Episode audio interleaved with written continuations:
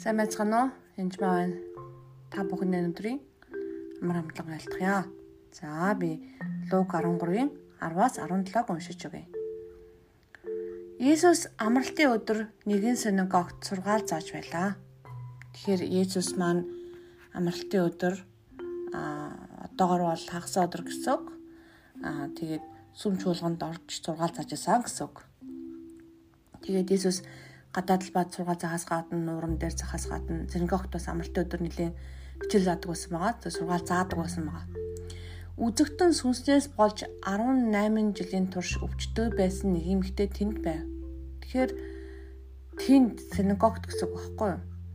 Байнгын Бурхны үг уншиж судалдаг байсан газар гэсэн үг. 18 жилийн турш өвчтөй байсан нэг эмэгтэй тэнд байв. Тэр бүхтэр болсон учраас юр цэг зогсож чаддгүй байжээ. Бүгтийгээд л байгаа хгүй. Тэгээд улам бүгтээ зэрэг цэг зогсож чадахгүй болсон байна. Есүс түүнийг хараад дуудаж эмэгтэй та өвчнөөсөө чөлөөлөгдлөө гэд түүн дээр мутраа тавихад даруй тэр цэг болж бурхныг алдаршуулж эхлэв. Тэр энэ хүн чөлөөлт гэдэг бол зөвхөн эдгэрлээс гадна эндээс сүнс байсан бол чөлөөлөж байгаа. Өчнөөс чөлөөлөгдлөө гэж хэлж байгааз. Тэгэхээр Тэр тэр эмэгтэй 18 жил сүмд явж л дээ. Сүм зөндөө явсан мөртлөө өвчтөө хүмүүс маш их байдаг. Гэр бүлийн асуудалтай хүмүүс байдаг.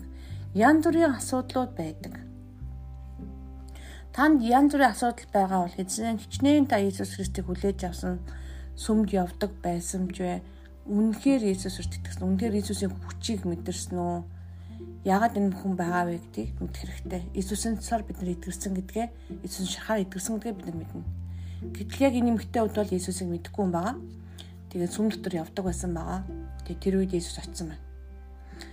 Тэгээд мутраа тавих үед нэгсдэ гараа тавих үед цэг болсон. Энэ мутар гэж Иесусыг хүндэтгсэн учраас мутар гэж хэлж байгаа. Ингээд тэр хүн эдгэрхээр яг хүлээ Бурхныг алдаршуулж эхэлж байгаа. Иесус амралтын өдөр эдгээсэнд зэвүүцсэн гэж байгааз синагогийн захиж хурсан олонд хандаж ажил төрлөө амжуулах ёстой 6 өдөр байдаг. Тиймээс амралтын өдөр биш харин өөр өдөртөд л ирж эдгээгээд эдээл эдгээл гэхэд эзэн түнд хоёр нүртнүүдээ та нарын хинч амралтын өдөр өхөр илжгээд сарвчаас гаргаж услахаар дагуулan явдаггүй?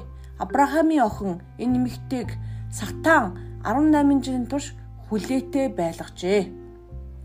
Тэгвэл энэ нэмэгтэй амралтын өдөр тэрхүү хүлээснээс ангижрах ёсгүй болж байна уу? гэв.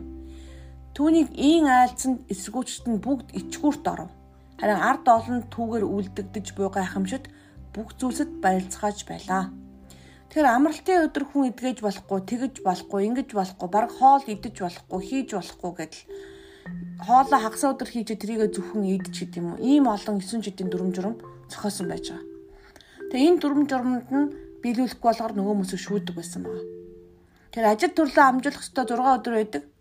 Тэгээ энэ хүн чөлөөлөгдөж байгаа байхгүй. Сатан түүнийг яасан гэж 18 жилийн турш хүлээстэй байлгасан байна шүү дээ. Тэгээ тэр эмэгтэй өвдөх биш хүлээстэй байсан байхгүй сатаны хүлээстэй. Хүлээстэй байгаа хүлээсийг яасан байна. Есүс тасалж байгаа. Тийм учраас нуруу эдгэр гэж хэлэхгүй эмэгтэй та чөлөөлөгдлөө гэж хэлж байгаа байхгүй. Тэгэхээр тэгэхээр Есүс энэ чөлөөлөх гэж ирсэн маа. Есүс хүнийг бодож байгаа. 18 жил өвчтөй байгаа тэр хүн идэхэд хажууд нь байсан бүх хүн баярлах үстэй. Гэтэл яасан байна? Хажууд нь баярлахгүй байгаа хүмүүс байгаа. Юу гэхээр нөгөө дүрм журмдаа хитрхи шагдаад хүний эдгэрлийг чөлөөлтийг харахгүй ууралж байгаа хөөхгүй. Амар яасан игдүүцсэн гэж хэлж байгаа сте. Игдүүцсэн гэж. Хурс олно. Тэгэхээр энэ бүхэн бол энийг хараад амлалтын өдөр эдгээс нь зэвүүцсэн гэж байгаа хөө бүр. Зэвүүцсэн гэдэг чинь үгүй хейт хийсэн мө үзий ятсан гэсэн үг шүү дээ. Тэр хүний идрэл чөлөөлтөнд дургу байгаа сүнс бол шашны сүнс. Тэр энэ бүхнийг шашны сүнс надаас зайл гэж ёстой. Би байхгүй гэдгүү сүнс зайл Есүс нар дээр гэж хөөсний дараа та бүхэн идрэл чөлөөтийг уншаарай. Яг тэгвэл тэхгүй байх юм бол хүнийг боддгоо байхгүй. Бурхан танд үнэхээр хайртай. Хүнийг үнэхээр боддог. Хүлээстэй байгаа хүнийг чөлөөлөхийг Есүс үнэхээр хүсдэг бөгөөд энэ нь Бурханы хүсэл мөн хизээч хүлээстэйгээ удаан байгаасаа гэж хүсдэггүй. Бурхан зөвшөөрсөн учраас энэ хүн ингэж байж байгаамаа гэдэл байлгаад байдаг хүн байдаг л да. Тэгээ бурхан зөвшөөрсөн учраас баг надад хулгай хийхийг зөвшөөрсөн, худал хийхийг зөвшөөрсөн гэж хэлдэг хүн байдаг. Уучлаарай бурхан биднэрт сонголт өгсөн. Гим хийхийг гим гим хийгээд бурхан үнэнхээр дург үзий яддаг. Харин гимтнийг бурхан хайрладаг. Гэтэ гим хийх тоолондоо бурхан үнийг хийсэн гэж хэлж өрөөсөө болохгүй. А гэтэ бурхан танд үнэнхээр хайртай гэдэг ерөөсөө бурхан тэгээд бурханы хайртай юм та хайртай байх хэрэгтэй. Тэм учраас өөрийгөө хайрлах хэрэгтэй, хажууд байгаа өвчтө зовлонтой хүмүүсийг хайрлах хэрэгтэй. Боломжтой гар тавин залбирч идэх хэрэгтэй. Тэг залбирах үед бурхан тантай хамт үнийг хийдэг байж байгаа шүү. Тэгэхээр чөлөөлтөг ойлгохын тулд та эхний ээлжинд шашны сүнсээсээ гарах хэрэгтэй, хүлээсээс тасрах хэрэгтэй. Танд байгаа бүх хүлээс надад байгаа бүх хүлээсийг та цэвэрлэж өгөөч, харуулж өгөөч гэж залбираараа. Эцэг Есүсээр тэнэртэй. Amen.